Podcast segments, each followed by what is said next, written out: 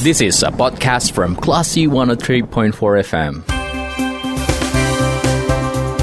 Bicara melawan Corona bersama Classy FM.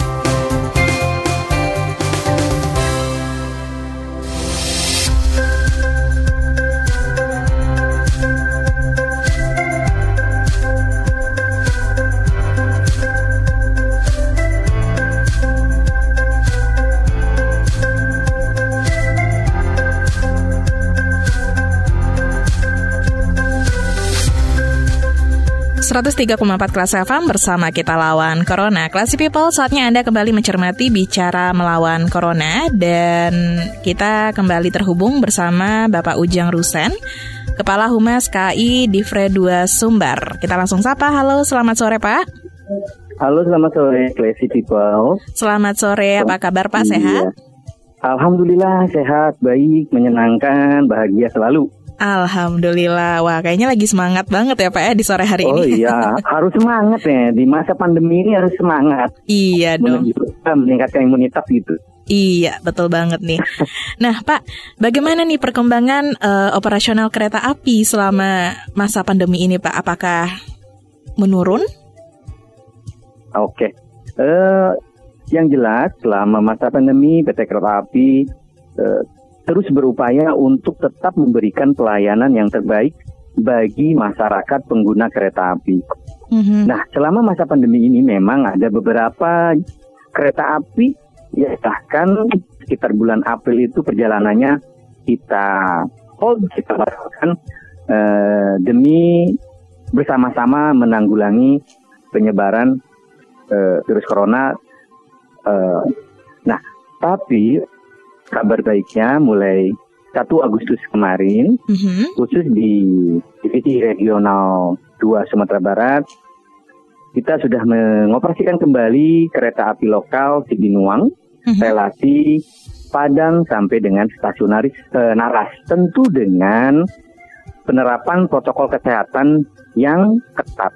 Artinya bahwa PT Kereta Api di mana pun di wilayah kerjanya, termasuk di Sumatera Barat ini, uh-huh menerapkan protokol-protokol tertentu untuk menjamin kesehatan keselamatan masyarakat penggunanya. Iya. Protokol kesehatan itu di antaranya adalah dengan mengharuskan, mewajibkan penumpang yang akan naik kereta api itu memakai masker.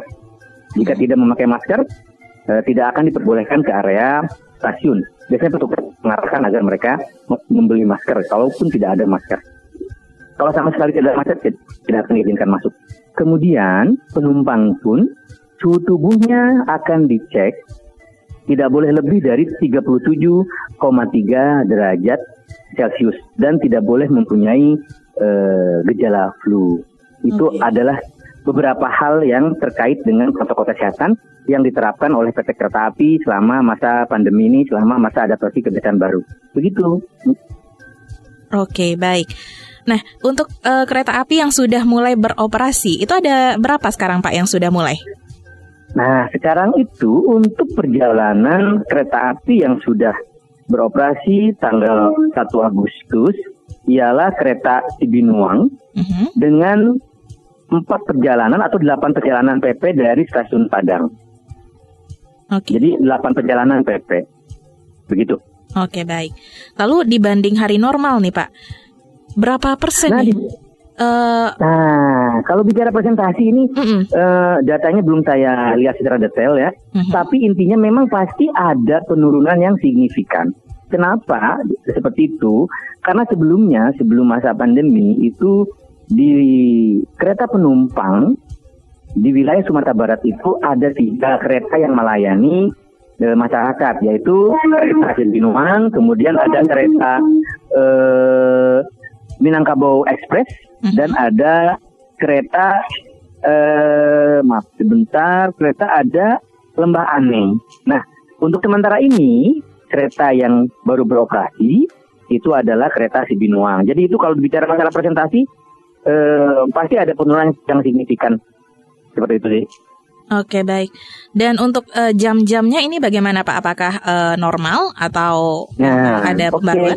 Okay untuk jam kereta di Binuang ini berjalan kalau secara normal uh-huh. eh, seperti jadwal sebelumnya itu ada empat perjalanan kereta dari arah Padang menuju Naras dan empat jadwal perjalanan dari Naras menuju stasiun Padang. Oke. Eh, contoh ini ada jadwal dari stasiun Padang itu mulai dari pagi hari pada pukul 5.45 Mhm, kemudian kedua adalah pada pukul 9.25 mhm. jadwal ketiga adalah 13.45 dan yang terakhir itu adalah 17.45 ya untuk melayani masyarakat yang kan kereta api dari wilayah Padang sekitarnya menuju tujuan akhir stasiun Naras. Begitu. Oke, baik. Lalu eh, untuk sekarang berarti untuk eh, kereta api dari Padang ke Pariaman itu belum beroperasi ya, Pak ya? Eh ada. Oh, sudah ada. Eh, iya, si Binuang ini, si Mhm. Binuang ini Oke. dia berhenti di salah satunya sebelum ke Naras stasiunnya ada stasiun Pariaman. Oh, gitu, baik. Langsung dekat ke pantai gitu. Oh, oke oke oke. Oke. Iya, iya. Dan untuk ke bandara itu bagaimana, Pak?